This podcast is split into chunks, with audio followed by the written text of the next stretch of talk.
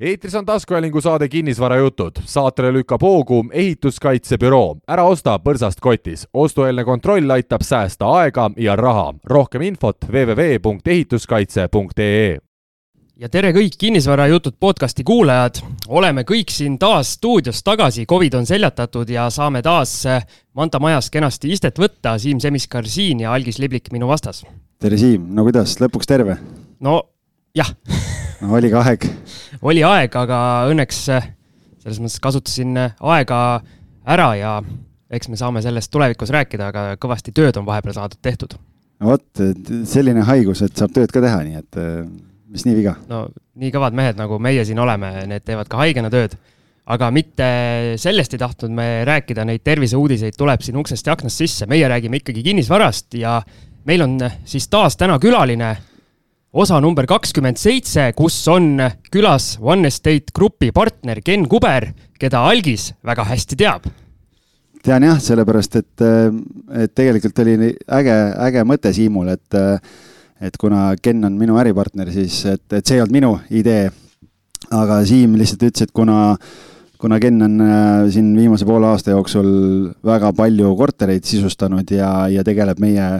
enda portfelli korterite flip imise ja renoveerimistööde ja kõige selle poolega, et siis kutsume mehe stuudiosse ja, ja räägime, mis seal, mina käin lahinguväljal õitsemas, aga et mis seal kardinate taga siis toimub tegelikult. ja, ja ütleme siis tere, Ken! tere, tänan kutsumast! et äh, alustame siis sellest, et äh, kuidas sa üldse jõudsid kunagi kinnisvara juurde, mismoodi sinul see pisik alguse sai? Mina jõudsin kinnisvarasse läbi Oberhaus kinnisvara eh, siis vahenduse mm, osakonna, kus Algis Liblik oli minu ülemus. vot. lausa niimoodi, jah? no vot, aga mis, mis aasta oli, kaks tuhat seitseteist? kaks tuhat, eh, kaks tuhat kaheksateist eh, sügisel ei, kaks tuhat seitseteist äh, sügis oli see, sest äh, meil saab juba, ettevõte saab kolmeaastaseks, kaks tuhat kaheksateist äh, sai no. ettevõte asutatud, no vot okay,, no, ma mäletan paremini. meestel on ette valmistamata, ma siin kuulajatele ütlen, et me seda salvestust alustame umbes pool tundi hiljem, kuna väga töökas algis taas hiljaks jäi meil, aga see selleks okei okay,. mis see aasta siis oli? kaks tuhat seitseteist, sügis oli see, eks? kaks tuhat seitseteist sügis jah, ma läksin, ma õppisin samal ajal Tallinna Ülikoolis ja Tallinna Ülikooli siis peahoone, kus ma igapäevaselt toimetasin, siis on Jooberausi kontori kõrval praktiliselt ja siis oli seal nagu hea oma maid jagada. aga tollel ajal, äh, Ken, minu meelest sa vist töötasid catering'is üldse, kui mälu ei peta, jah? jaa, catering'i tegin ja siis töötasin äh, Draamateatri äh, baaris baarmenina. ja Oota ja siis jõudiski minu lauale huviringi siis äh, erinevad äh, kinnisvaraalased ja raharaamatud, eesotsas siis äh, Jaak Roosaare õpikutega ja siis sealt ma leidsin mõtte, et miks mitte proovida kätt siis kinnisvara valdkonnas ja leida sealt enda kinnisvarainvestori tee ja nii ma jõudsin siis Oberhausi kinnisvarasse kinnisvaramakleriks Algise juurde. aga saan ma aru, et Algis võttis su tööle? Algis võttis mu tööle. Algis, mida sa Kennis nägid? kes seda teab esimese asjana ütles ta mulle kohtumisel seda, et ma tean su venda, Steni, sest et tollal siis eh, Lääne-Viru Kossuliigas oli, mu vend oli vähe sihuke kõvem nimi. kellele ma olin ikka noh, olin uut ja vana teinud maakonnas onju, ja siis ma teadsin, et okei okay,, et näed, sul vend ka, et ma Keniga polnud jah kokku puutunud eh, niimoodi, aga noh, Kossu mehed, et Ken mängis vähe kõrgemal levelil kossu kui mina. spordisõbrad siin praegu kerige edasi või siis vaadake pigem tagasi, meil ühes osas käis ka üks päris profisportlane erinevalt algisest eh, meil siin stuudios, et Albert Prosa rääkis oma kinnisvarajuttudest ja nii-öelda tema rääkis, tähendab, temaga võiks ka spordist rääkida erinevalt algisest, aga lähme sinna Oberhausi tagasi, et kuidas siis algise all töötada oli? algise all oli töötada väga hea mm ma ütleks, et minu jaoks oli see kinnisvaratee nii-öelda algus ja ma arvan, et see start oli päris tore. algis, algis andis mulle palju ja samas, millest mul on kõige rohkem tegelikult kahju, mis kõige rohkem meelde jäänud Oberhausist, Oberhausi ajast, on see, et tegelikult mm, algise panust või algise nagu nii-öelda tahtmist ei äh, ei, ei võetud niivõrd väga palju vastu, kus ta oleks võinud teha vot ja siis te alustasite ühist ettevõtet, mis sul arus oli, et sa algisega üldse nii-öelda business'it koos hakkasid ajama? no meil oli kontoris lauad kõrvuti niimoodi, et ma ei tea, meil oli kolmkümmend sentimeetrit vahet ja no hommikust õhtuni arutasime oma asju seal jooksvatele asjadele lisaks ja siis lõpuks jõudsime arusaamale, et noh, et ma ei tea, kinnisvarale ja maailma, maailmale on nagu suhteliselt sarnane vaade, et miks mitte siis äh, proovida kätt koos. aga siis äh,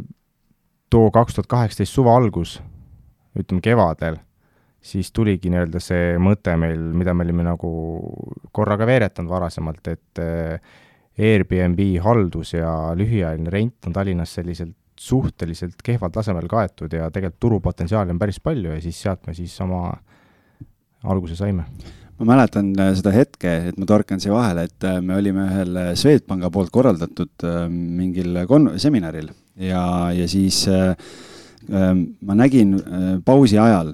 scroll isin Facebooki ja nägin, et kuskil korteri, Facebooki grupis, kus üürikorterid otse omanikult või mingi grupp oli, oli pandud üleskutse, et Tallinnas tuleb selline üritus nagu Mindvalley ja et ei ole üldse võtta lühiajalisi üürikortereid, et omanikud, kellel on et vähegi võimalik, et pange üles, sellepärast et tulevad inimesed siin kolm nädalat ja rohkem. Ja, ja siis ma näitasin Kenile seda kuulutust, ütlesin, kuule, tšeki seda. siis Ken ütles, kuule, ma olen ammu mõelnud selle Airbnb peale, et tegelikult mõtlesin sinuga rääkida ja, ja sealt hakkas see, see mõte nagu veerema. aga küsimus teile mõlemale, et äh, kuidas äh, oma ettevõtet nullist alustada oli, mis need äh, suurimad äh, kuidas ma ütlen, need raskused ja probleemid oli, et, et võib vist öelda, et ega teil väga vana veel see ettevõte ei ole, aga ikkagi nüüd olete ilmselt käima saanud, aga mis seal alguses need peamised nii-öelda takistused ja probleemid olid? no ega alguses ju väga midagi näppude vahele ei jää, asi oli vaja käima saada ja nagu areneda ja õppida, ehk siis äh, aja planeerimine ja erinevate ülesannete jaotamine oli siis vast kõige raskem ja keerulisem asi, sest et ikkagi kuskilt oli vaja leib lauale tuua ehk siis kinnisvara vahenduse või siis teistsuguste igasuguste projektidega. Aga noh, õnneks me oleme, mina arvan, et me oleme siia jõudnud mingil põhjusel või mingil, tänu sellele, et me nagu alguses pidime seda kõike, kõike nagu ise tegema, mis nagu näiteks lühiajalist renti katab, koristamine, pesude vedamine, vetsupottidega üürimine. just ma ei kujuta algist ette seda tegemas, aga hea küll ma siiamaani teen, kodus vannituba on minu rida. ega ta ise ka ei kujutanud sinnamaani ette, kuni ta oli seal Põlvili Ahtri tänaval. Selles mõttes päris huvitav, et hommikul pead maakleritele koosolekut ja siis lõuna ajal lähed, viskad pintsaku maha ja viskad roobad selga ja siis vahetad voodipesusid ja, ja lased mopiga põrandaid peale seda, kui klient on ära läinud, et, et, et päris, päris huvitav aeg oli. noh. oota, kas te oma ettevõtet alustasite selliselt, et te olite veel seal Oberhausis tööl või? jaa. ja me alustasime, me alustasime mingi kas aprillis äkki ja, ja siis äh, lõpuks äh, juunikuus äkki või, või kuskil suve alguses mina viskasin pastaka lauale ja, ja Ken ütles, et ma tulen ka. aga kuidas teil need äh, või see tööde jaotus siis nüüd lõpuks paika on loksunud, et kui alguses seal küürisite kõik peldikuid, et mis seis nüüd on? no nüüd on äh, niimoodi, et eks algis tegeleb kõiksugu bürokraatia ja nii-öelda otseselt klientidega, kes siis omavad kinnisvara. ja minu siis pärusmaa on see, et mina tegelen äh, meie klientide klientidega, kes meile toovad siis nii-öelda raha ja siis nii-öelda selle kogus haldusteenuse ja igapäeva olmemuredega mina siis..., mina olen, mina nii-öelda tegelen investoritega ja toon kortereid ja, ja teen seda maakleritöö poolt, siis aitan investoritel leida neid objekte ja ja, ja ka Ken on siis see, kes paneb need objektid nii-öelda seab valmis või, või teeb valmis, et nad hakkaks raha teenima, et kui on vaja renoveerida või sisustada, teeb selle poole ära. siis, kui on valmis, mina panen, annan üürile ja pärast seda siis Ken hoolitseb selle eest, et üürnikud oleks õnnelikud ja, ja kõik toimiks ja klientidel raha jookseks. mulle meeldis see sõna bürokraatia, et bürokraat algis, et noh, keegi, keegi peab paberimäärimisega ka tegelema, nii et eh, midagi pole teha. aga Ken, tõmbame selle pildi korra laiemaks, et eh, mis sind kinnisvaras köidab, et kuidas see nii-öelda sealt Oberhausist alanud teekond, eh, mis sind praeguseni välja on toonud, et mis see nii-öelda särts on, mis, mis nii-öelda hinges on? Miks ma üldse jõudsin kinnisvarasse, sest mind huvitas kinnisvara kui varaklass, ehk siis puhtalt vaadates siis äh, nii-öelda investori vaatevinklist. Mind hakkas huvitama rahamaailm ja mida rohkem ma siis nii-öelda seal kinnisvara sees olin, seda rohkem hakkas see mind huvitama, et see, see kuidagi muutus minu jaoks loogilisemaks ja siiamaani ta on minu arvates kõige parem varaklass siis, kus, kus investorina nii-öelda tegutseda, aga samas, kus siis nagu siduda seda ka ettevõtluse ja äh, enesearendamisega. Oled sa teistes varaklassides ka kätt proovinud või? ikka proovin, aktsiaturul olen ka päris aktiivne ja samuti ka eralaenudes ja sellistes asjades. Algis, oled Kenni käest mõne hea aktsiavihje ka saanud viimasel ajal? ei ole, et ma praegu huviga jäingi kuulama, et mees on siin, ragistab põldu, aga, aga infot ei jaga, et ma peaks kohe uurima. me kunagi börsihaid tegime mingi võistlusega, aga see oli rohkem sihuke mingi noh, ma, ma panin täiega fail'i seal, nii et ma sellest rohkem ei räägiks. aga tuleme siis kinnisvara juurde tagasi, et aga Ken, mida sa pead enda suurimaks tugevuseks kinnisvara valdkonnas ja räägime siis hiljem nõrkused ka lahti, aga alustame sellest positiivsest poolest mm,. tugevuseks ma arvan seda, et ma tänaseks päevaks on välja kujunenud mul mingi kontaktide ring, mis on päris lai ja ükskõik, mis probleem või mure meil nagu ettevõttesiseselt või tehniline mure või asi on, siis ma tean, kelle poole sellega pöörduda ja kuidas seda võiks lahendada võimalikult kiiresti. mina pean seda enda, ma arvan, tugevuseks, et tänu, tänu sellele ma olen suutnud enda aega ja asju väga hästi sättida ja ma jõuan, ma ütleks päris palju päeva jooksul asju ära teha tänu sellele. ja no negatiivne asi eh,, paratamatult Tallinna kinnisvaraturul on vaja head vene keelt, aga minul see puudub peaaegu täielikult tere tulemast klubisse kuidas te hakkama saate elus, mehed? kuidas? ma ei tea veel, siiamaani oleme elus. ma saan aru, kui sa siin Rakveres või, või, või Pärnus või kuskil Vaidas äh, elad, on ju, aga Tallinnas sul on vaja vene keelt, et kuidas te saate? no ma kolisingi Tallinnast ära seetõttu. okei okay. et nägid, et no ei saa hakkama, et noh, ka mõistlik. Aga rääkides nendest kontaktidest, siis äh, hästi paljud äh, nii-öelda kinnisvaras tegutsevad inimesed räägivad, et see ongi nii-öelda varaklass ja, ja tegutsemisala, kus ülitähtis on omada hästi palju või hästi suurt kontaktide võrgustikku ja hästi palju inimesi, kelle poole pöörduda, et äh, kas sa arvad siis samamoodi? ma olen sada protsenti sellega nõus, ilma selleta, no ma leian, et on väga keeruline siis kinnisvaraga head tootlust või siis head raha teenida või siis tegeleda ettevõtlusega selles valdkonnas. aga anname siis oma kuulajatele kohe sellise nii-öelda raudse kuidas ma ütlen, eh, eesmärgi või eh, nõuande ka, et kuidas seda võrgustikku hakata endale looma, sest eh, fakt on see, et keegi meist ei sünni siia maailma selliselt, et tal on, on telefonis kõik heade kontaktide numbrid juba olemas. no paratamatult on see juhtunud läbi jamade, jamad. elu ise, jah? jah, et kui mingi jama on, siis sa hakkad otsima, kust abi saada. ja mina, mina olen absoluutselt kõik inimesed, kes mulle vähegi mingit head nõu andnud, mind aidanud, mingi asja ära lahendanud, ma olen nad, nendega nii-öelda sinasõbraks saanud, ma olen nende numbrid alles jätnud, ma kirjutan nende sünnipäevade, sünnipäevad üles, helistan neile, kui neil on sünnipäev ja nagu hoian neid meeles isegi siis, kui mul näiteks pole neid Poolast vaja olnud. väga hea nõuanne siin kuulajatele, et hoidke, hoidke oma nõuandjaid ja abistajaid ja kogu seda võrgustikku, aga kui sa juba need jamad mängu tõid, eh, meenuta mõnda sellist eriti efektset jama, mida on vaja lahendada ja tänu kellele võib-olla mõne uue kontakti oled leidnud? näiteks, ma võin tuua lähi, lähi, lähiminevikust ühe mm, ebameeldiva jama. meil on Tõnismäe eksklusiivses majas niisugune nelja, viie, viietoaline korter, hästi suur, seal on väga tore üürnik oma perega sees, kes on Kanadast. Ja see oli laupäeva õhtu. Ja ma olin, äh, ma ei mäleta, mis mul, mida, midagi, millega ma pidin tegelema, et ma ei saanud äh, nii-öelda aidata seda üürnikku ise, aga äh, läbi siis enda hea nii-öelda sõbra, kes on siis meil, meil, meiega toimetab, suutis aidata välja üürniku pesumasina lekke, mis ei lõppenud ära, sest et pesumasin on integreeritud seina see, nii-öelda kapi sees seina, seinale lähedal ja ja lah-, see mure sai äkki lahendatud paari tunniga, aga kui oleks olnud äh, mul nii-öelda seda head äh, tuttavat, kes äh, aitab siis meid torutöödega, siis poleks äh, olnud ka äh, võimalik, et äh, keegi, meie, meie, meie nii-öelda koostööpartner oleks ta üles leidnud ja temaga nagu asjad aetud saanud Algis... laupäeva õhtul ei ole väga lihtne leida. Algis, ma küsin sinult, et kui mõnus on eh, omada sellist eh, äripartnerit, kes teeb kogu musta töö ära ja sina vaatad kõrvalt ja naudid? noh, selles mõttes jaa, tegelikult ega see halduse pool on küll selline, ütleme, üsna tänamatu töö, et ega tavaliselt need kõige hullemad asjad, nii palju kui mina olen aru saanud, noh, okei okay,, me Airbnb-d ju möllame koos ja suhtleme klientidega ja, ja nii-öelda info jookseb sisse ja seda, seda poolt ma nagu näen ja tean, aga,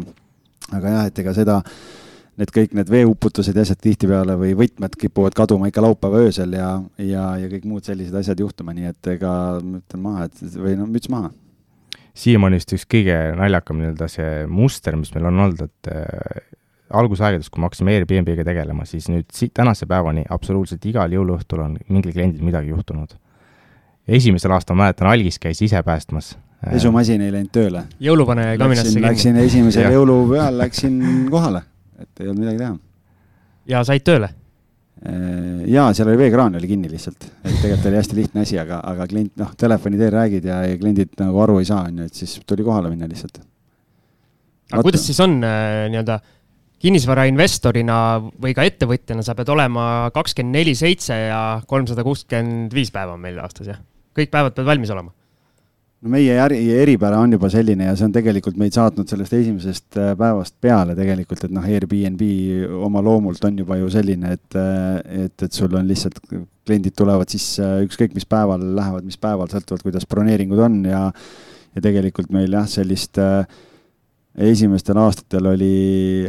nagu seda õhinat ja kõike oli nagu hästi palju ja see nagu ei seganud, aga mingil hetkel on, ongi see, et me oleme nüüd ikkagi nii-öelda inimesed võtnud ja kes tegelevad ja asjad, et kui sul on nagu kolm last kodus, siis sa ei saa alati võib-olla laupäeva õhtul minna seda,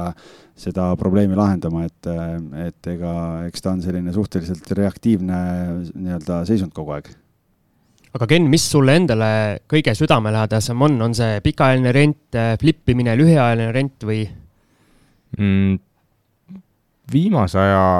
viimasel ajal ma olen nagu tundnud, et äh, flip imine on äh, hästi tore, sellepärast et äh,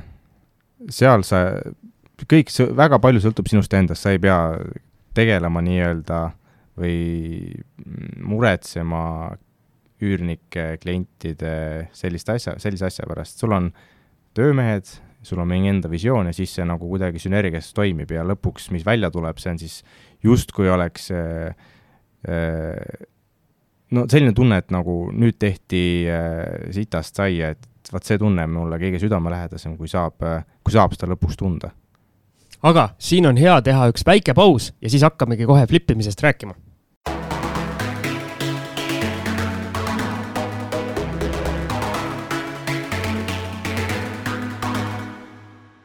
ja oleme väikselt pausilt tagasi ja jätkame siis Kenni ütleme, piinamist siin erinevate teemadega, aga lubasime rääkida flippimisest ja sa enne pausi ütlesid, et eh, sinu jaoks kõige mõnusam tunne on see, kui saab mingist eh, nii-öelda S-ist saia teha. aga mul on tunne, et sina oled eh, teie ettevõttes see mees, kes on kogu aeg seal objektil ja näeb, kuidas see nii-öelda sai seal justkui kerkib ja siis algis käib aeg-ajalt, teeb paar pilti ja vaatab, et ohoh, kõik ma, on hästi. mina kirjutan Facebooki ja ütlen, et kurat, jube töö käib. jube hea flip peale. on nii? no ma ei tea, ma ei saa kedagi hukka mõista, kõik, kõiki asju on äh, selle protsessi juures vaja, nagu et on vaja, kes on, äh, kellele ma teen pilte, aga on vaja ka kedagi, kellele neid pilte saata, noh. turundada on ka vaja ju aga ma, ma just mõtlen seda protsessi, et kuidas on olla seal objektil kogu aeg, äh, neid töömehi juhtida, vaadata, tuua nii-öelda abijõudu ja kas sulle meeldib see igapäevane nii-öelda projekti juhtimine? jaa, see, miks see meeldibki või hak-, on rohkem meeldima hakanud, sest et on asi, mingi asi on paika loksunud, just nagu siis nii-öelda kon-, noh,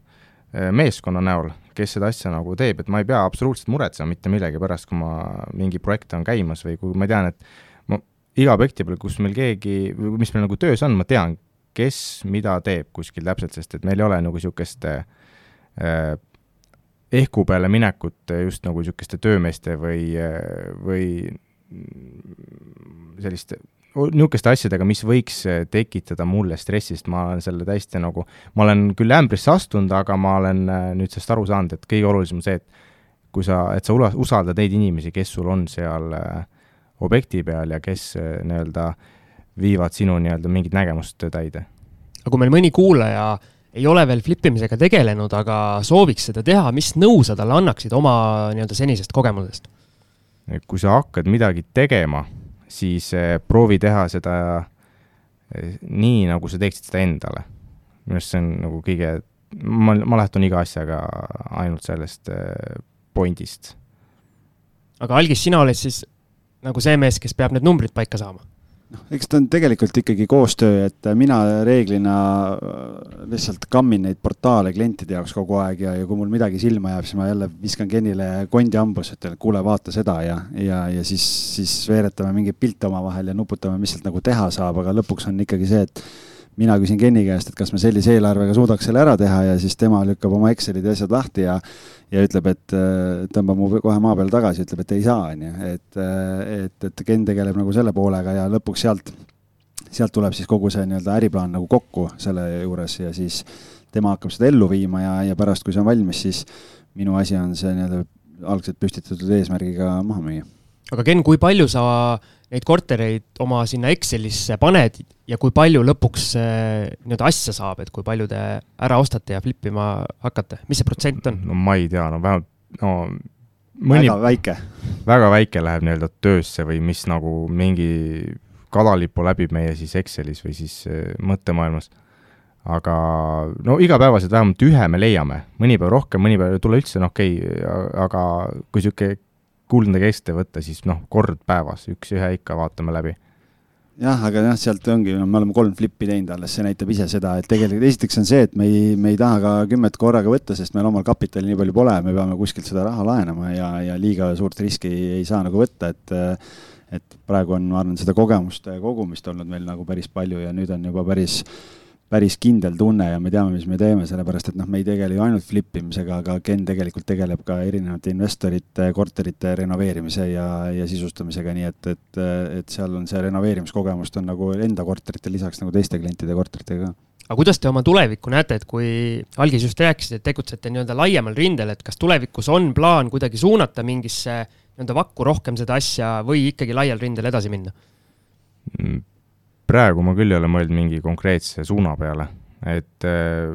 ma olen sellises vanuses ja sellise mõttemaailmaga, et ma tahan võimalikult palju kogeda, õppida ja näha ja siis äh, kui see mingi konkreetne asi peab välja kujunema, siis ta kujuneb lihtsalt ajapikku. Noh, täna on tegelikult ka raske ju seda fookust nagu võtta selles mõttes, et kuna me oleme ise ikkagi käsitlenud ennast nii-öelda äh, investoritelt investoritele nii-öelda teenusena, ehk et me ise tegeleme investeerimisega ja, ja, ja kõikide nende samade asjadega, siis me pakume ju täisteenust, et aitame osta, renoveerida, sisustada, kui on vaja, paneme üürile või müüme maha ja kui on vaja, siis haldame veel pika või lühiajaliselt ära ka, et sealt nagu ühtegi sammu välja jätta nagu päris nagu ei saagi tegelikult mm,. täis nõus sellega. aga flip imise juurde kitsamalt tagasi tulles, et milline, milline korter on äh, hea objekt flip imiseks, mis eeldused peavad olema kindlasti täidetud? no kui me võtame ainult korterit, siis äh, mina isiklikult vaatan, et ühistu oleks hea, et ühistu oleks toimekas. Äh, kui ühistu ise ei ole nagu niisugune suurem asi, siis vähemalt peaks olema mingi normaalne haldusfirma, kes selle asjaga toimetab, et ei tohiks olla mingisugune tundmatu tegija mi-, mi-, minu jaoks Äh,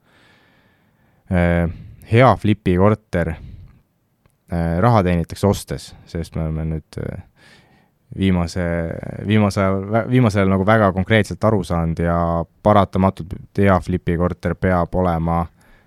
flipi lõppedes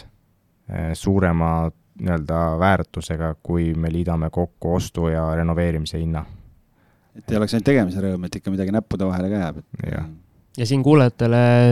see väike nii-öelda diiser ette, et boonusosades äh, kuuleme, kuidas algis äh, viimased flipid äh, nii-öelda lahti riietab ja numbrid kõik välja toob ja patreon.com kaldkriips kinnisvarajutud on see koht, kus saate boonusosasid kuulata ja juuresolevaid pilte ja, ja faile seal ligi pääseda nendele.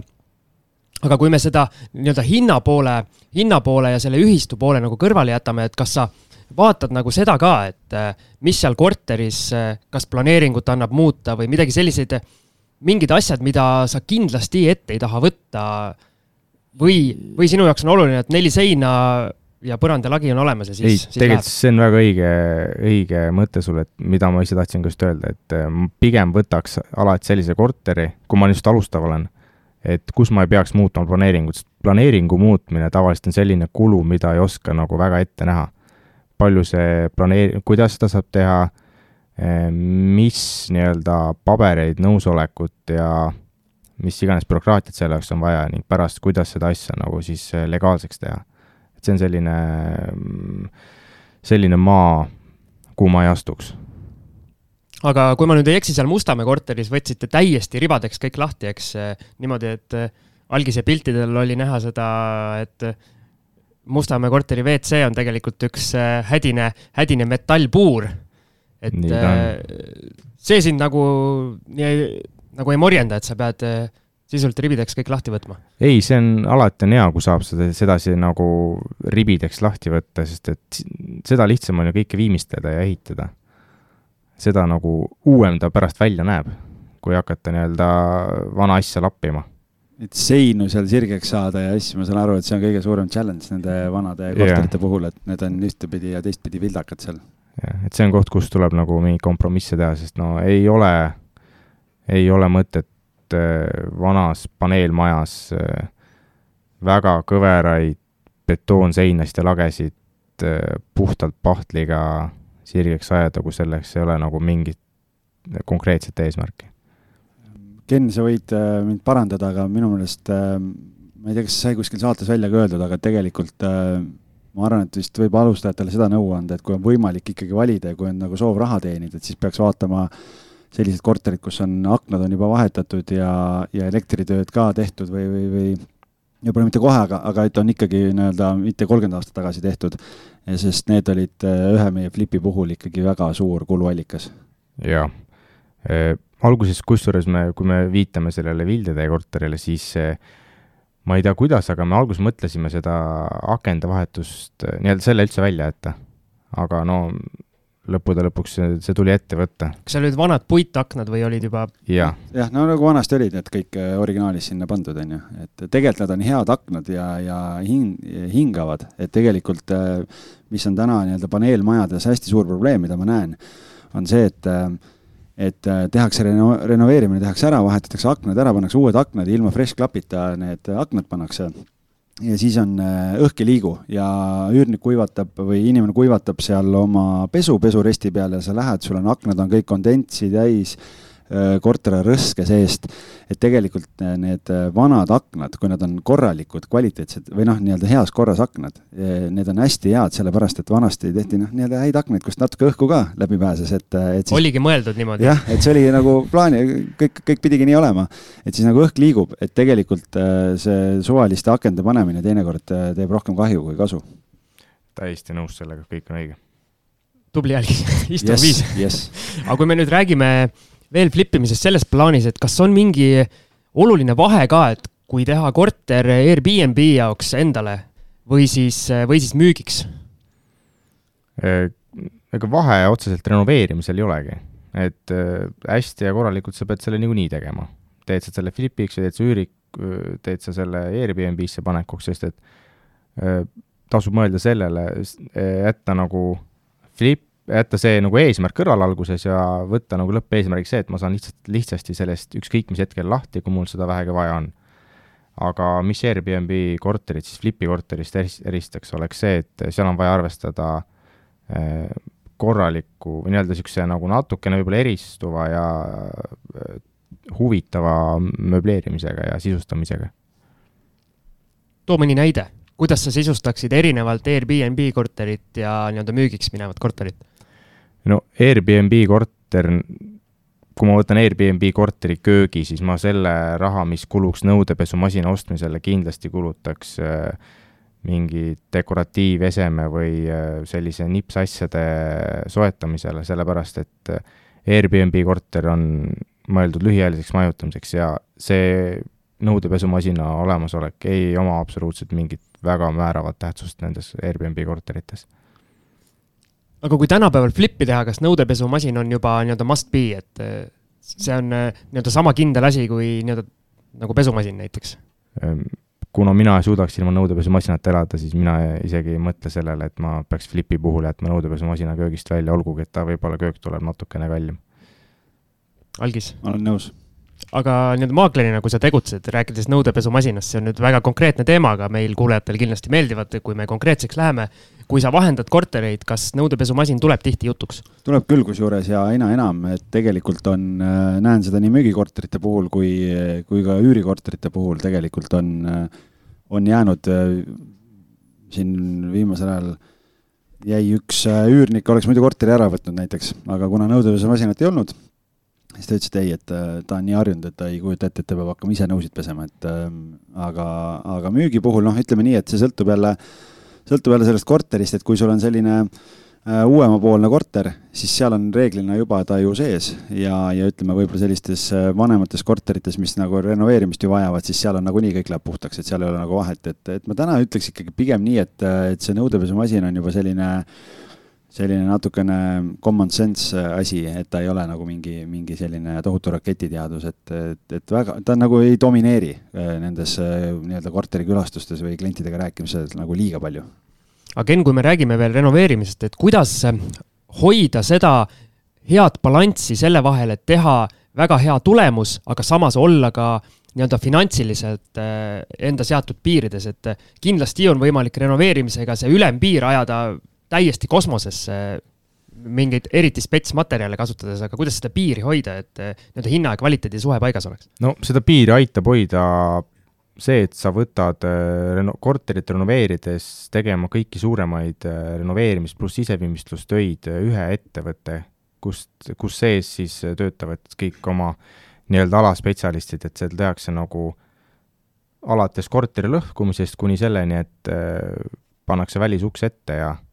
ja antakse sulle võtmed kätte. meil on üks kogemus, Ken, sa võid tegelikult rääkida, vanalinnas Kuninga tänaval on üks hästi-hästi eksklusiivne korter, mille, mille siin Ken siis kliendile aitas ära renoveerida ja sisustas ära ka. et seal tegelikult oli see koht, kus ähm, klient alguses võttis mingi oma töömehe ja, ja, ja see niimoodi venis ja lõpuks oli see, et oligi, tulid järgmised inimesed, pidid eelmise inimese tööd lappima ja nii edasi ja see kõik läks oluliselt pikemaks ja oluliselt kallimaks lõpuks kui see, et oleks võtnud ühe ettevõtte, kes oleks selle otsast lõpuni ära teinud. nõus, see oligi niisugune hästi, see oligi niisugune esimene hea õppetund äh, just niisuguse äh, suurema korteri renoveerimisel, et paratamatult äh, suurem, noh, suurem korter igaüks saab aru, et võtab rohkem aega, aga just see, et kui sul on, et sul oleks konstantselt objekti peal vähemalt kaks-kolm meest, kes siis nagu pidevalt teavad, mis järjekorras mingeid töid tehakse, nad teavad üksteist ja ei ole niimoodi, et üks päev käib üks mees, teine päev käib teine mees, kolmas päev ei tule kedagi. et see on, see on see asi, mis siis, kus võib rappa joosta, kui, kui ei ole sellist konkreetset tiimi, kes siis nagu seda korterit renoveeriks. et ma saan aru, teil on päris oma brigaad, keda te kasutate või siiamaani olete kasutanud? jaa, meil on väga hea brigaad. aga see väga hea brigaad, ma eeldan, sellel väga, väga heal brigaadil on ka väga palju tööd, et kuidas te suudate seda hoida just enda nii-öelda objektide jaoks? no eks me peamegi enda, eks me enda kliente ja enda objekte ka ajastame selle järgi, kuidas neil nagu parasjagu tööd ja mahtu on ja, ja kui me ostame mingi asja, no mis me siin viimati ostsime, näiteks selle Koidu, siis me ajastasimegi ostu see, mitte ostu selle järgi, vaid me arvutasime sisse selle ajakulu, mis kulub näiteks äh, sellel renoveerimistiimil siis nagu eelmise objekti lõpetamiseks ja siis, kui ta saab üldse meie juurde tulla, et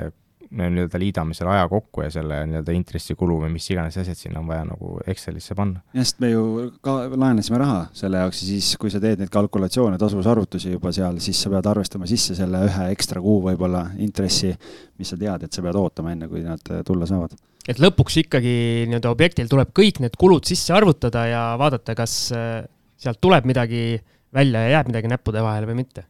jah, et see, see tegelikult määrabki hästi palju ju, et sellest hakkab ju kõik pihta, et äh, ja, ja noh, eks äh,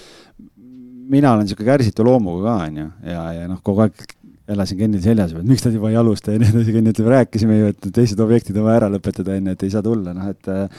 et kõige, minu jaoks kõige hullem asi on see, kui ma kui mu enda või klientide raha põleb lihtsalt sellepärast, et kuskil midagi seisab, et see on nagu, minu arust on nii nagu paha tunne. aga kuidas siis praegu sellel ehitusturul on, et inimesed, kellel ei ole oma brigaadi või need, kes alustavad oma esimese flipiga, et kas praegu on ehitajatel palju tööd, et meil siin mõned flipijad on käinud stuudios ka ja öelnud, et see ongi selle flippimise juures ehk äh, kõige nii-öelda kriitilisem asi, et leida esiteks äh, hea kvaliteediga tegija endale sinna ehitama ja teiseks, et sellel tegijal ka aega oleks? no tasub võtta mitmeid hinnapakkumisi ja küsida palju referentsi ja ma arvan, et sealt eks, eks sellist viisi leiabki selle nii-öelda endale selle tiimi, ega muud varianti ei ole, ega noh, ma ei tea, ma ei tea küll, miks, aga ehitusturul äh, mina olen väga palju tähele pannud seda, et äh, ega ke-, keegi kedagi väga soovitada ei julge. et äh, või ei taha, sellepärast et muidu ja. äkki jääd ise ilma, et kui on, viskad lisatööd ette, noh siis, siis ei saa ise ühel hetkel löögile enam. et sellest ma olen ka aru saanud, et nii-öelda heal, osaval meistrimehel et eh, temal on alati järjekord nagu ukse taga või et sa temale helistades ta ei tule sulle kunagi järgmine päev midagi tegema, isegi kui sa väga konkreetne oled temaga. meil endal Facebooki grupis Kinnisvarajutud on ka ju eh, inimesed küsinud tegelikult, et soovitage mulle oma nii-öelda ehitajaid ja sealt väga palju soovitusi ei tule just, eh, ma arvan ka selle tõttu, et kui sa nüüd kellelegi soovitad seda, siis sinna nimekirja, kellele nad tööd teevad, tuleb üks inimene juurde ja siis sul võib-olla see oote, ooteaeg veel pikeneb järgmine kord noh, tegelikult on olemas päris äh, suured äh, igast ehitus äh, Facebooki grupid on ka, kuhu sa saad panna üles oma, oma selle päringu ju. ja, ja siis lihtsalt on vaja hästi hoolega, no täpselt nagu Ken ütles, et referentsid ja kõik asjad, et ja teine koht on hange.ee, kuhu sa saad panna selle töö üles. ma ei ole ise seda kasutanud, aga ma olen kuulnud, et seal lihtsalt on see probleem et kui sul lõpuks, äh, et sul peab, noh, ei ole väga lihtne sealt nagu, et kui sa juba hanke üles paned, sa ei saa sealt niisama nii-öelda lahkuda lihtsalt, et kui siis sa pead nii-öelda justkui selle protsessiga lõpuni minema, aga kui sa saad siis äh, ühe, ühe pakkumise või saad mingid kirved, on ju, ja sa lõppkokkuvõttes ikkagi otsustad, et ei, et ma ei lähe, sellepärast et ma ei saa, noh, et siis see ei ole selles plaanis võib-olla nagu lihtsalt kõige parem variant, aga, aga tasub selle hange.ee kohta uurida, et, et sealt erinevate tööde jaoks tegelikult saab. ja muide, Äh, olen uurinud natukene, päris huvitav uus teenus on turul, on niisugune asi nagu Handis.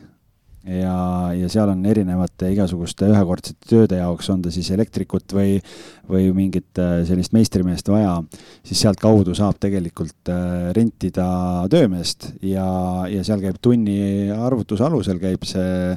see tasumine ja kõik asjad ja, ja see Handis on seal vahel ja kontrollib, et kõik oleks korrektne ja, ja toimiks, nii et, et kindlasti see on üks koht, mida, mida tasub uurida. ja kindlasti just niisuguste väikeste pisitööde jaoks, et kui, kui mõni investor võtab endale ette niisuguse vähe lihtsama flipi, kus ei ole väga suurt nagu nii-öelda kapitaalremonti vaja, siis miks mitte kasutada seda varianti, et võtta nagu iga, näiteks võtta maaler, võtta, ma ei tea, vannituppa plaati ja, ja siis kolmandaks võtta elektrik, et siis, kui nemad on nagu äh, eri osakondadest mehed, et siis miks, miks mitte kasutada seda? mina olen just see investor, kes võtab endale neid kergemaid flippe, ma ise ole, nimetan seda värskendus flippimiseks ja siis äh, saabki ise teha hoopis need asjad. mugavusflipp on see, ma ütlen. absoluutselt. aga on meil flippimise kohta, Algis, kas sul on mingeid küsimusi? vist ei ole, et äh, kuna meil eeltöö on taas algise poolt tehtud ja suurepärane seekord, erinevalt siis eelmisest korrast. see on huvitav, vaata, et Siim kutsub külalisi ja mina pean eeltööd tegema ja eriti oma, oma äripartner nagu, et, et see on nagu hea, päris hea, et noh, nüüd teate, kuidas asjad käivad. ja ütleme nii, et äh, inimesed saavad aru, kes siin stuudios boss on, aga teeme väikese pausi ja lähme siis edasi juba sisekujunduse juurde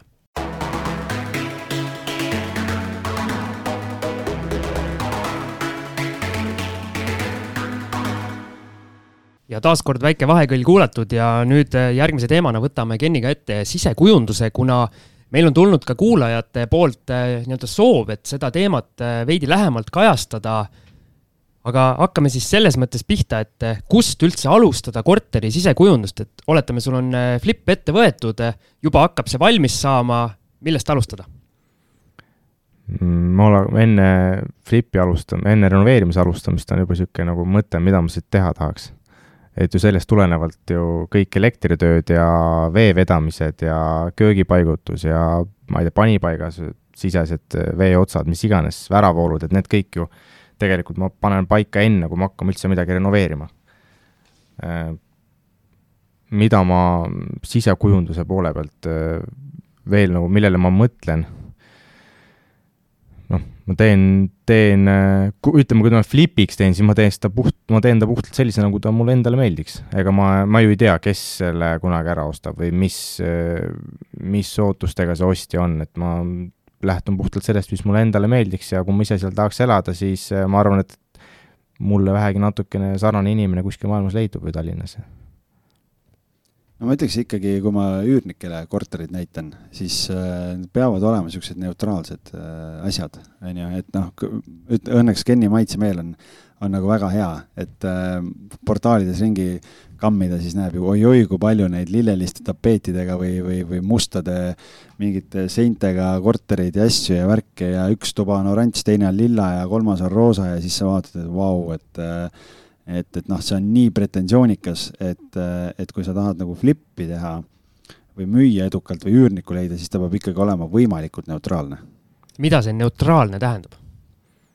no heledad toonid, et noh, Ken oskab võib-olla rohkem selle koha pealt rääkida, aga, aga noh, mina vaatan nagu seda üldpilti, lihtsalt ma mõtlen, et ei ole sellist väga pretensioonikaid, et mingit erkpunast kuskil või, või, või noh, mingeid selliseid asju nagu, et no, steriilsus on märksõna, mida, millele ma nagu kõige rohkem Flipi puhul näiteks äh, tähelepanu pööraks. et inimesele, kes selle, sinna korterisse elama tuleb või kes ostab selle näiteks väljaüürimise eesmärgil, et tal oleks võimalikult äh, lai äh,, lai võimalus teha täpselt selles korteris seda, mida ta ise soovib. et me ei, me ei saa ette, ette kirjutada inimesele, et vaat need seinad peavad olema punased ja ja kööki sa kunagi nõudepesumasinat panna ei saa ja, ja külmikut äh, külmiku pead panema elutoa nurka ja et sellist asja pigem me väldime. aga see on võib-olla küsimus nagu algisele, et kui, tähendab, kas sul ei ole tulnud äh, nii-öelda selliste steriilsete ja nii-öelda tagasihoidlike korterite puhul sellist kriitikat, äh, kas siis ostuklientide või üüriklientide poolt, et tahaks mingit isikupära, et tahakski seda kärtspunast mingit köögi, köögipinda ja ma ei tea, suurt lühtrit elutuppa teate, slaavi inimesed on need, kes otsivad natukene seda ja ega, ega ju nüüd see steriilsus ei tähenda seda või, või noh, nii-öelda ütleme, et ega see, see neutraalsus võib tähendada ka seda, et see korter on tumedates toonides, et noh, et äh, siin on just äh, hiljuti kel- äh,, Ken lõpetas ühe korteri sisustamise, kus oli tume kaalasaba parkett maas, mustad siseuksed, põrandaliistud, kõik asjad, noh, sinna läks äh, läks must köök ja, ja tumedatooniline mööbel ja kõik asjad, aga et kui sa tuled sisse, siis ta on selles mõttes ikkagi noh, nii-öelda stiilipuhas ja, ja sa tunned, et see kõik nagu harmoneerub omavahel, on ju, et, et seal ei ole ühtegi sellist elementi, mis sul nagu tohutult kuidagi silma riivab, et et mul praegu on ka üks üürikorter, mida ma, kuhu ma üürnikku otsin ja ja täiesti ilus korter, hästi ilus, hästi eristuv korter, noh, mitte uus, uusarenduses ja ta on hästi heledates toonides, valdavalt valged toonid ja siis on punane lilleline diivan see niimoodi karjub seal toas, et äh, see on maitse asi, et noh, ega ma ei saa öelda omanikule, et noh, et vaheta välja, aga lihtsalt äh, näha on, et üürnikele ka nagu see tundub nagu võõrkeha seal lihtsalt. aga kui see üks diivan nüüd seal korteris on, et kas see võib lõpuks olla nii-öelda punkt, millega jääb korter suisa kas siis välja üürimata või müümata? et see nii-öelda rikub selle üldpildi nii palju ära, et äh, sellel inimesel käis, kes käib seda korterit vaatamas, jääb lõpuks selline nii-öelda negatiivne mulje, et noh, et enam-vähem oli ka, aga et midagi oli nagu valesti. Üürnike puhul see võib-olla ei ole nii palju, et nad ikkagi vaatavad nagu tervikpaketti, ütleme hind ja kommunaalid ja asukoht ja kõik, kõik sellised asjad, on ju, aga, aga eks ta muidugi emotsionaalselt võib olla, et äh, pigem diivani puhul, näiteks üürnike puhul on see, et kas diivan käib lahti või ei käi ja, ja noh, mingid muud sellised nagu kriteeriumid, aga aga noh, müümise puhul ma nagunii alati äh, omanikega räägin ju enne läbi, mis jääb korterisse, mis ei jää ja, ja ma ikkagi üritan niimoodi alati kokku leppida, et, et sisustus kunagi ei saaks nagu deal breaker'iks, ehk et kui ikkagi ostja ütleb, et ma seda diivanit ei taha, et siis, siis omanik lihtsalt äh, laseb selle diivani ära viia no.. aga ma just mõtlen seda, et see nii-öelda ostja võib-olla ei tea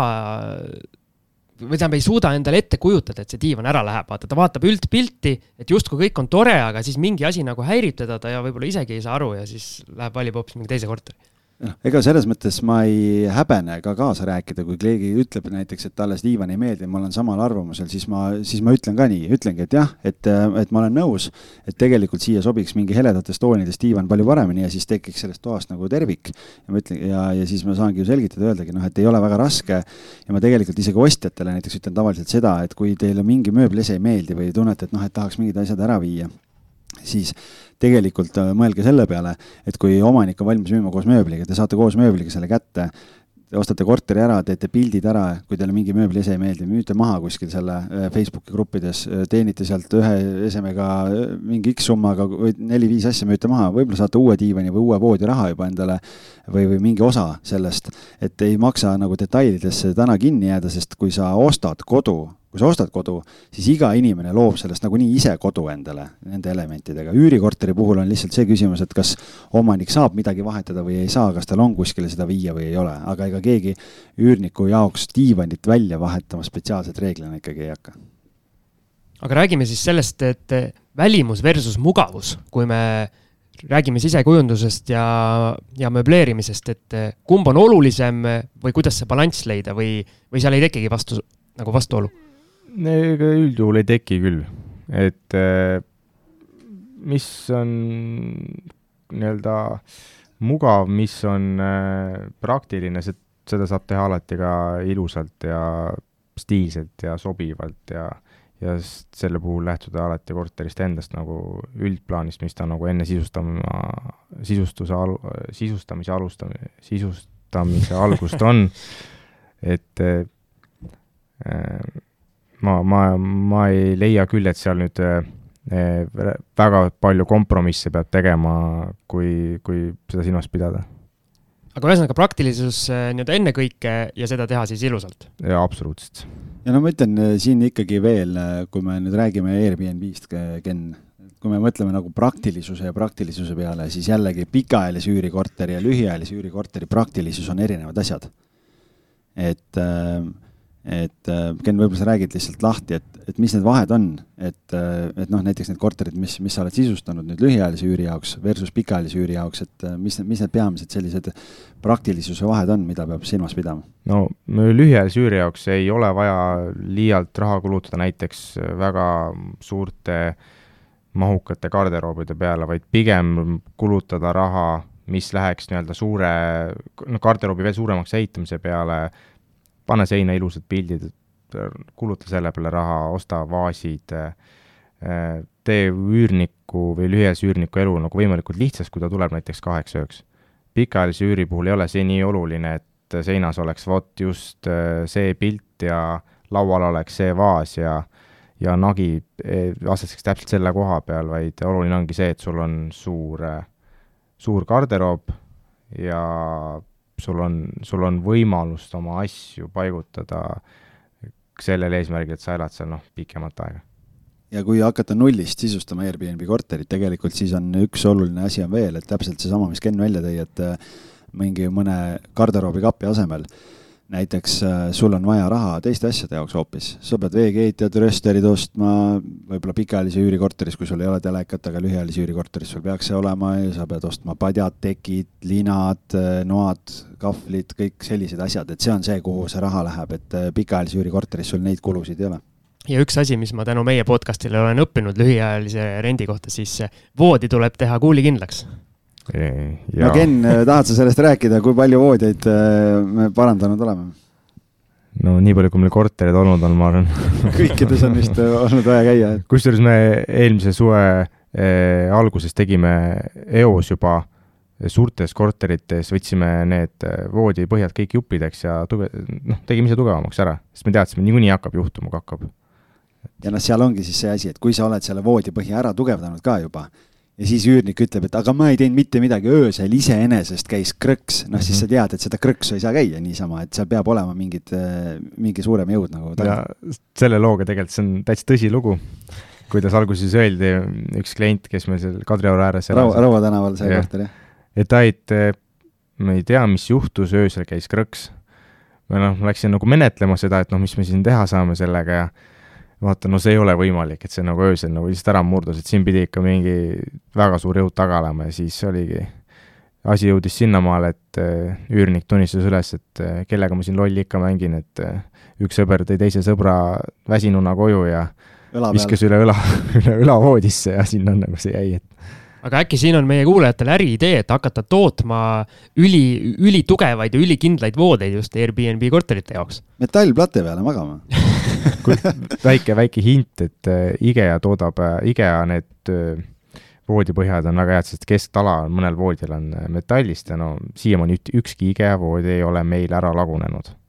jah, et suur probleem kipub olema see, et osadel vooditel on nagu keskel mingid metallist, äh, ma ei tea, õrnast alumiiniumist jalad ja need kipuvad ühte teistpidi ära vajuma ja kui sealt juba hakkab natukene järgi andma, noh siis lähevad need pulgad ka seal krõks-krõks-krõks kohe seal voodi all. aga kas ei oleks lihtsam panna seda lühiajalist rentnikku äh, niimoodi magama, et panna madratsid lihtsalt põrandale ja asi korras? kui sul on luksuskorter ja sa paned madratsid maha, noh siis ma tahan näha, kes sul tuleb sinna. Noh, võime noh, pätti ka teha ju, et pildi peal on voodi ja kohale jõuab, siis on madrats. ei no aga näiteks mingid, mingid roosiõied on eh, sinna külje peale visatud ja justkui olekski nagu selline. no ega tegelikult mingi euroaluse peale pandav voodi, ega see nagu, või noh, madrats ei ole ju halb mõte, aga mis siit põrandast alla alles jääb nüüd? see sõltub ikkagi ka sellest, et millise vibe'iga see korter on, et kui ta on niisugune hipsteri stiilis korter, siis see on nagu asi omal kohal ju, et iga, iga korter on ju oma nägu hipsteritest rääkides, siis äh, kes tahab, vaadake järele, veel, veel viimati vähemalt oli meie kuulsas Vaidas müüakse ühte korterit, kus ühes toas on äh, voodi asemel äh, selline võrkkiige moodi moodustis, ei ole küll võrgust, aga selline riidest, riidest rippuv kiik, nii et võimalik ka nii. päris huvitav on, et kui öösel kogemata külge tahad keerata, et mis siis saab? no siis kukud naabrile, naabrile sülle allpool. naaber teab, et sa keerasid aga räägime siis sellest, et sisekujunduse puhul, et äh, veidi seda puudutasime, aga on mingi kindel stiil, millele te olete näpu äh, suuteline peale panema, mis nagu võimalikult paljudele inimestele peale läheks, et ongi äh, no me rääkisime, et need ekstravagantsed igasugu lühtrid ja need asjad meeldivad siin nii-öelda slaavi kogukonnale, aga võimalikult selline lai, lai stiil, mis peaaegu kõigile peale läheb. ta on selline, mina olen aru saanud, et, et see stiiliks on niisugune lihtne Skandinaavia, steriilne aga samas ka niisugune, kui sinna sisse tuua niisugust eh, pohostiili, paalistiili, niisugused eh, pastellsed rohelised toonid ja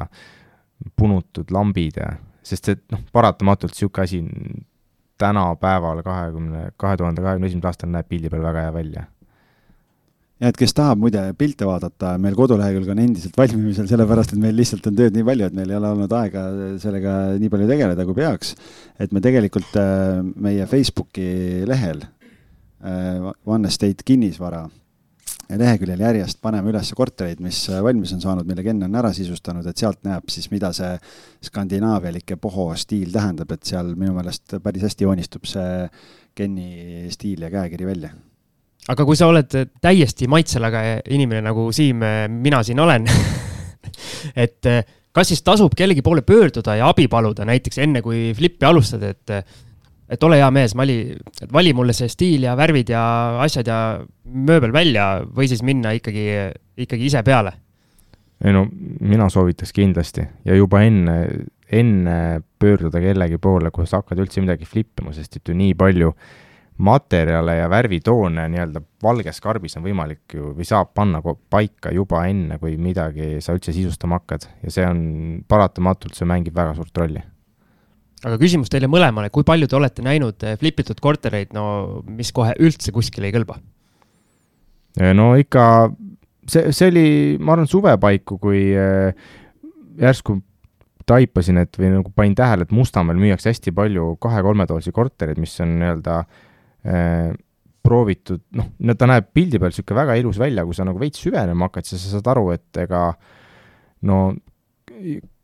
viis äh, viis korterit, ütleme, kaheksast on no, no nii üks-ühele, et nagu üks teeb ära, siis vaatab teine, et teeks täpselt samamoodi ja niisugused nagu vaatad kõrgläikega äh, köögiuksed ja pildi peal algu, esialgu võib see tunduda väga ilus, aga no minu, minu nii-öelda äh, maitsemeelega läheb see nagu kohe vastu olla ja kusjuures need, korterid, mis on äh, selliselt tehtud, et sa näed, et sul on portaalis väga palju sar-, sarnaseid korterid Mustamäel kahetoalised, et ega, ega need nagu kohe kaubaks ei, ei kippunud minema, kuigi ma ei tea, võib-olla lihtsalt kogemata üleval, aga noh, eks seal on ka see tegelikult, et kui ma ise olen käinud vaatamas mingite investoritega neid kortereid, et äh, minu meelest on üks Äh, või kaks isegi sellist asja, fundamentaalset asja, mis hakkavad nagu silma, kust äh, üritatakse minna lihtsama vastupanu teed ja seal ongi, tulebki see vahe välja, et kas sa teed nagu kodu või sa teed müügikorterit, et need on nagu erinevad asjad. Ja üks koht on köök et sul on äh, mingi odav köök võetud äh, kuskilt äh,, ma ei tea, valmis köök tellitud juba. esiteks ta kuidagi ei, ei nii-öelda on natuke liiga suur või natuke liiga väike selle köögi või selle võimaluste jaoks. teiseks see väljanägemine on ka võib-olla selline noh, ei tekita seda uut tunnet, et kuidagi on see värvigamma natukene selline kahtlane või, või imelik ja teine asi on vannituba, et, äh, et paigaldatakse, no jah, see on soodsam, noh, flipi eesmärgil raha tahad teenida, aga neid igasuguseid mingeid monstrum dušikabiine ja asju ja värki ja see juba ei jäta kohe sellist äh, nii-öelda mõnusat äh, muljet, nagu ta võiks tegelikult, et äh, ja ma arvan, et päeva lõpuks ongi ju see, et võib-olla sa investeerid natukene rohkem sinna ja sa saad müügist selle raha tagasi, kui see, et sa hoiad kokku ja pärast kaupled hinnas, mis on noh, emotsionaalselt nii-öelda sellepärast, et sul on mingid kohad siin nii-öelda lipa-lapa. üks koht veel, mis, millele ma ise olen ka hästi palju töö, tähelepanu hakanud pöörama, on et vahetada või kasutada siseuste valikul ka niisugust teistmoodi lähenemist, et mitte panna valget nii-öelda stampmantliga pappuksed, vaid kasutada äh, natukenegi kallima hinnaklassi raskemaid Stapleluksi, kas siis poonitud või siis MDF äh, sisuga ja, või värvitud uksi, et see on ka nagu niisugune point, mis tühja korteri müügil tegelikult ju muudab pilti niivõrd palju, kui sa müüd flipi, flipi eesmärgil müüd sisustamata korterit, siis noh, uks on asi, mis sul silma, silma hakkab. Siim, kuidas on, läks juba lühenditega silme eest nii kirjuks, et peale BMW ühtegi muud lühendit vist ei tea, nii et BMW no eks ma pärast kuulan saate paar korda üle ja saab, saab targemaks. aga võtame selle sisustamisteema selles mõttes kokku, et äh, algis on siin kirja pannud, et üle viiekümne korteri siin viimastel aastatel äh, sinu käe läbi äh, sisustatud on saanud, et äh, mis on need veel suuremad õppetunnid, mida me võib-olla siin täna veel puudutanud ei ole, aga tahaksid välja tuua äh,? ma ei tea, ma toon niisuguse, võib-olla see pole huvitav näide, see on minu jaoks õppetund, minu jaoks nagu niisugune asi, mida ma nüüd alati panen tähele, on see, et ära, kui sul käib korteris ähm, suure mööbli paigaldus, köök, garderoobid, vannituba, siis ära too mingit muud jama sinna ette senikaua, kuni see kõik on valmis ja paigas, sest et ilmselgelt midagi läheb kaduma, midagi läheb katki ja see, ma ei tea, jääb ette paigaldajatel, mis iganes, et sellepärast on nagu olnud niisugust äh, jama natukene vahepeal. kuule, aga me ühte teemat ei ole üldse puudutanud ja ma ikka tõmban siin puid alla Kenile, et äh, Ken, kuidas sul IKEA-ga läheb? Ma lootsin, et sellest ma ei pea rääkima. IKEA-ga on äh, nii mõnigi hall karv juurde tulnud või noh, tekkinud esimesed äkki sa räägid kuulajatele ka, et noh, vaata, üks asi on see, kui sa sisustad ühte korterit äh, ja, ja noh, võib-olla saad, saad oma asjad kätte, aga aga tegelikult mingi ports kortereid sai ju IKEA mööbliga sisustatud, et äh, mis seal need valukohad olid või mis sealt nagu välja joonistus? jällegi puhtalt minu eh, kogemus ja minu minuga juhtunud asjad mina enam kunagi ei looda suuremahuliste tööde juures IKEA-le sellepärast et äh, IKEA, Eesti IKEA-l on paratamatult liiga palju tarne- ja tootmisraskusi, mis siis äh, meil nagu väga rängalt vahepeal kätte maksid, nagu et äh, meil ei olnud töömeestel midagi teha, käidi tühjalt korteris, kõik tahtsid oma raha saada, asju IKEA-st kätte ei saanud, siis, siis ei jõudnud IKEA tarnemeeskond siis asju meieni toimetada üksteise süüdistamine käis ja see oli nagu, ma ei taha, IKEA on nagu maailma parim asi minu arust, nagu kes otsib mööblit, et ära võta Poola mööblit, võta IKEA samas hinnaklassis igal juhul, aga paratamatult asjaajamine on jube keeruline nendega. No nii, nii suur masinavärk on lihtsalt, et seal on ja nende koormus on nii suur, näha on tegelikult, et ega Eestis ka äh, hädasti oleks vaja seda suurt poodi, sellepärast et siis muutub natukene see kogu kauba, kauba suurus ja kõik asjad ma võin sulle öelda, et kopp on maasse löödud, olen sealt, isegi täna sõitsin mööda, nii et. Äh, järgmine aasta vist peaks äh, valmima see, et, et tegelikult on nagu hädasti, hädasti on vaja, sest see muudab seda mastaapi ja olulisust, et täna me oleme mingi väikese näidispoega ja siis tõenäoliselt enamus asju pole neil siin kohapeal olemaski, sellepärast need tarneprobleemid ja kõik asjad, eriti siin Covidi ajal praegu on nagu see on, kui ma kõrvalt olen kuulnud, eriti see Koidu näide meil oli, kus kus kaks korda kuller sõitis minema, sellepärast et õigel ajal polnud kohal ja mm -hmm. et seal on omavahel neil ka see nii-öelda outsource itud teenused ja, ja IKEA omavahel seal, nendel on seal nii-öelda masinavärk vajab kõvasti õlitamist. ma ei tea, kas äh, ühe, ühe suure edasimineku on IGE teinud, kusjuures äh, viimasel ajal, ma ei tea, kas see tuleneb sellest, et, et nad hakkavad seda suurt poodi ehitama või mis, millest iganes, aga nüüd on IGEA kodulehel võimalik maksta ka pangalingiga, mitte sa ei pea maksma krediitkaardiga. See on nagu suur edasiminek. eriti ettevõtte puhul, kui me tegime mingit, Ken tegi siin mingi paarikümne korteri tellimust, on ju, ja siis kaardiga maksta, siis noh, esiteks limiidid, kõik asjad, on ju, et see oli ka sellised peavalud, huvitavad challenge'id, mis tee peale nagu ette sattusid. aga mul tunne, et Igel läheb päris hästi, et ma siin viimasel ajal olen äh, mitu tellimust teinud ja järel käinud seal äh, nii-öelda poe ees, et seal on äh, iga kord, kui ma olen sinna läinud, seal on ikka hull laulupidu, inimesed, kes ootavad ja nii-öelda, et saaks kätte oma asjad. seda ma ja õppisin ka kui siin see suurem projekt meil näiteks Veereni tänaval oli nagu kes nagu käimas, siis et isegi kui sul on vaja mingi üksik asi, mis, mille sa unustasid tellida, sul on vaja jumala eest ära, ära vali seda võimalust, et ma lähen ise järele, vaid telli see koju ja maksa see tarne, sest et see aeg, mis sul kulub selle ootamiseks taga, selle punkti, seal noh, nii-öelda suurte asjade väljastuspunktis, siis see on räige tegelikult äh, siin IGE-le jah, selles mõttes, et äh, nii-öelda plusspoole pealt, mis ma võib-olla Kenile sekundeeriks, on ikkagi see, et äh, kui me rääkisime sellest, et Airbnb korterite ja, ja pikaajalise üürikorterite sisustamise koha pealt, tegelikult üks minu arust oluline point, millest me ei rääkinud, on see, et äh, väga lihtne on üle investeerida, mida me oleme ka näinud tegelikult, kus kliendid on ise sisustanud korterid, mis meil tulevad Airbnb-sse,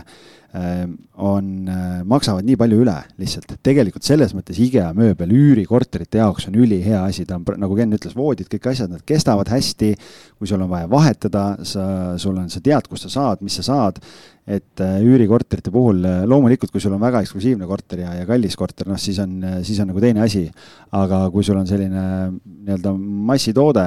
siis tegelikult on hästi vastupidavad ja üüriäri jaoks ideaalsed asjad. Aga muudame siin natukene teemat ja võtame ette sellise asja nagu haldusteenused, see, mida te siis investoritele pakute, ma saan aru, on nii, Algis? jah, sellest meie äri ju algas, algas lühiajalise üüri haldusteenusest, aga tänaseks me oleme tegelikult äh, on pikaajalise üüri haldusportfell nagu oluliselt suuremaks kasvanud, nii et mõlemad on ühtviisi olulised, aga, aga täna lihtsalt turu olukorrast tulenevalt nii-öelda raskuskese on pikaajalise üüri peal. aga küsime siis Kenilt, mida sa igapäevaselt teed või mida see haldusteenus tähendab? Mina tegelen äh, meie pikaajaliste mm, üüriklientide muredega, siis korteriühistutega suhtlemisega ning siis ka uutes projektides arendajate, arendajaga suhtlemisega ja siis äh, otsade kokkuviimisega, viimisega, mis iganes mured, probleemid, küsimused siis üürnikel võivad tekkida või meil endal. Tegelikult on äh, noh, kui me üürnikuga lepingu teeme, mis korterid, mis meil haldusteenuses on, siis mina teen kogu lepingu poole ära, kogu selle setup'i, esimesed arved, kõik asjad teen ära ja sealt edasi siis annan nii-öelda äh, Kenile kandikul üle ja edaspidi kõik mured ja küsimused, mis klientidel on, siis tema tegeleb nende lahendamisega. vot tulemegi nende murede, murede juurde, et teil siin äh, üle viiekümne, viiekümne korteri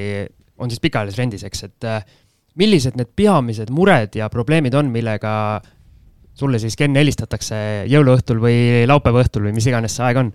kuna ma arvasin, et see küsimus võib tulla, siis ma mõtlesin selle peale ja ma, mul tuli see nii-öelda vastus suhteliselt kiiresti endal. et eh, siin palju, noh, kui te, te räägite näitest, eh, teete näiteid, räägite üürnikest, siis alati on see põhiteema, et pesumasin on katki, on ju, see on noh, me oleme ise ka kokku puutunud sellega, see on mure, mis juhtub igal pool. Et on vaja tegeleda, et noh, kes tegeleb ja nii edasi. aga mis viimasel ajal on väga palju nii-öelda peavalu tekitanud, on igasugused eh, smart home süsteemid ja need elektroonilised fonolugu, fonolukksüsteemid ja nendega on jube palju peavalu olnud, küll nad ei tööta, küll nad lülitavad, küll nad restardivad, äh, mis iganes, tahavad uusi paroole, no see on lõputu, lõputu nimekiri, millega me oleme pidanud tegelema siin viimasel ajal tuleb äh, võtta korterid vaita, kus on väga low-tech see elu veel ja siis on Pole isegi uksi ega alt lukus siin fonodest rääkimata, et võib-olla ust eest äkki. võti on mati all, see on kõige nagu high-tech'im asi. aga, aga räägime sellest, et äh, milline see üürniku profiil on erinev, kas uusarenduses või siis vanemas korteris või kuidas teie näitel need äh, nii-öelda erinevad üürnikud äh, nii-öelda profiililt erinevad? no eks uuema arenduse korter on kindlasti kallim ja seal on ka nõudlikum klient, aga selle, noh, ta, kes annab endast palju tihemini märku, kellel on palju rohkem küsimusi ja muresid võib-olla ja ettepanekuid, aga vähemalt noh, see tekitab rohkem tööd, kuid on äh, selles mõttes parem, et sa vähemalt kogu aeg tead, mis korteris toimub. Niisugused odavama otsa korterid, äh, need kliendid ei ole nõudlikud, niivõrd nõudlikud, äh, aga sa ei kuule ka neist nagu väga tihti, mis ei ole nagu selles mõttes hea, et äh, kui mingi üllatus on, siis see üllatus on kindlasti suur. aga räägime sellest, ma tegelikult meie, meie Discordi jututoas küsisin ka teistelt investoritelt, ma siis ütlen vahele, et patreon.com kaldkriips kinnisvarajutud, kes meie toetajaks hakkab, siis saab ligipääsu meie spetsiaalsesse, eriti eksklusiivsesse jututuppa, kus, kuhu pääsevad ainult meie toetajad ja siis saatekülalised, ehk siis Kenni ootab ka see ees nüüd aga mu küsimus siis selline, et mida ma küsisin ka teistelt investoritelt, et kui tihti tuleks käia oma neid üürile antud korterid vaatamas, et kas, ma ei tea, kord poole aasta jooksul, kord aasta jooksul või, või üldse mitte käia, et siis, kui nii-öelda üürnikul midagi probleemset ei ole? no meie portfellis on meie portfellis on hästi lihtne, et kuna meil õnneks on äh, kõikide üürnikega suhteliselt tihe kontakt pidevalt igakuiselt ja noh, paratamatult kõikides korterites midagi ikka vahel juhtub, siis äh, meie tehnikud või siis äh, abimehed, kes seal korteris käivad, siis ma alati nagu mainin neile, et noh, et noh, tee nagu üürnikuga juttu ja küsi, kuidas tal läheb ja niisama suusoojaks ja siis vaata ka üldpilti, et siiamaani on see väga hästi toiminud. et ma niimoodi nagu ei oska, noh, ei oska nagu juvi, julge soovitada, et no käi kindlasti poole aasta tagant või käi korra aastas või käi kolme kuu tagant või käi iga kuu, et ma, ma ei leia nagu sellel, eeltöö tuleb ära teha üürniku leidmisel, et seda asja välistada, et sa peaks üldse selle asja peale mõtlema. ja, ja Siim, selle jaoks on vaja väga head professionaalsed maaklerid, nagu sa tead, on ju? tean, tean jah. aga tõmbaks selle jutu selles mõttes kokku, et eh, kas selles äris ehk üüriäris klient on kuningas alati mina sellega nõus ei ole, aga Ken võib oma arvamuse siia öelda, sekundeerida või oponeerida mulle. ei, Mart ei ole klient kuningas, ega see on ju ikkagi üüriäri ja me üürime välja kodusid ja et noh, kellelegi me pakume ju pinda, kus elada ja katust pea kohale, et ja kui kuskile korterisse tuleb äh, tuleb äh, üürnik, kes, äh, kes noh, ta ju, ega ta ei osta seda või ei tule sinna korterisse silmad kinni ja siis, kui algis on ukse kinni pandud, võtab klapid eest ära, et nüüd sa elad siin. üllatus et tegelikult ma, see on hea küsimus, Siim, sest enne saadet me just Keniga korra rääkisime, et ma just üürisin ühe, ühe uusarenduse korteri välja siin. mul ainult head küsimused ongi. noh, ajaga läheb paremaks, jah. et äh, ühe kolmetoalise üürisin välja ja üks äh, vene perekond kolis sisse ja naine oli juba, juba nii-öelda kogu selle üürimise protsessi käigus selline üsna pretensioonikas, jah? pretensioonikas ja, ja niisugune emotsionaalne ja, ja tegelikult ma täna Keniga arutasime ka ja siis me nagu, juba eile oli juttu temast ja täna oli juttu, kuigi ta on alles nädal aega sees elanud või vähem ja ja ma tegelikult mõtlesin selle peale, et et kui mõelda selle inimese suhtlusmaneeri peale,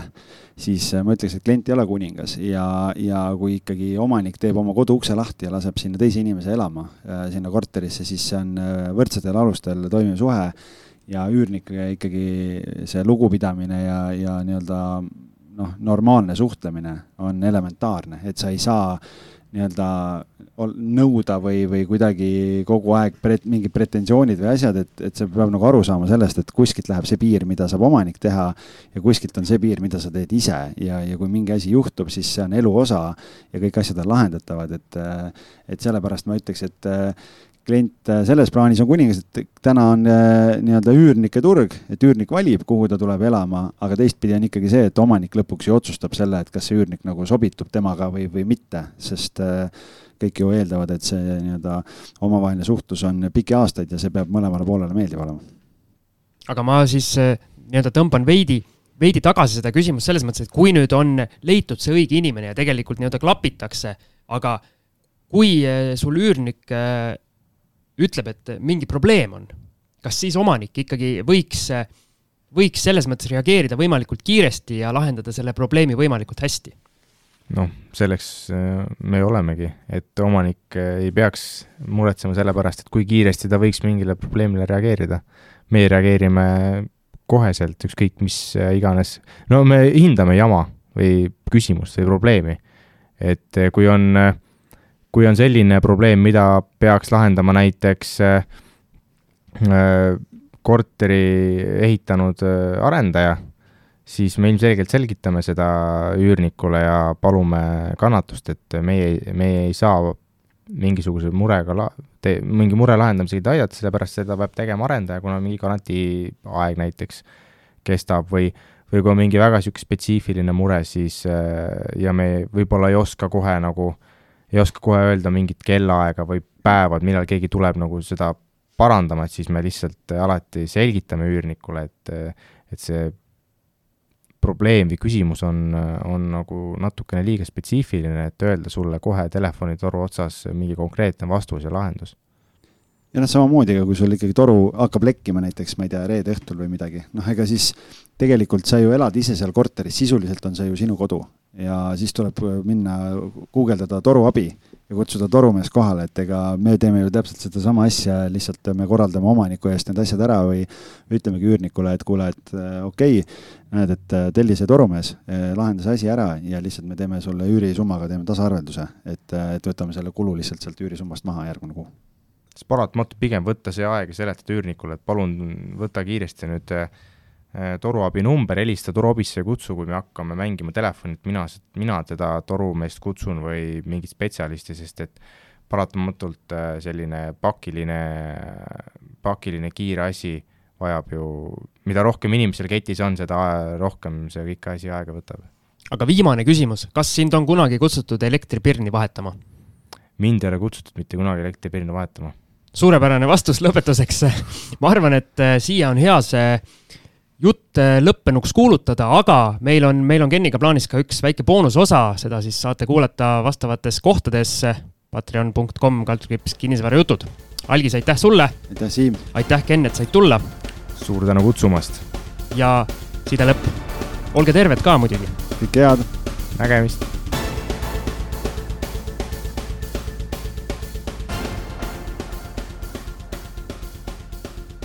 kinnisvara ostueelne kontroll aitab säästa aega ja raha. vaata lisa www.ehituskaitse.ee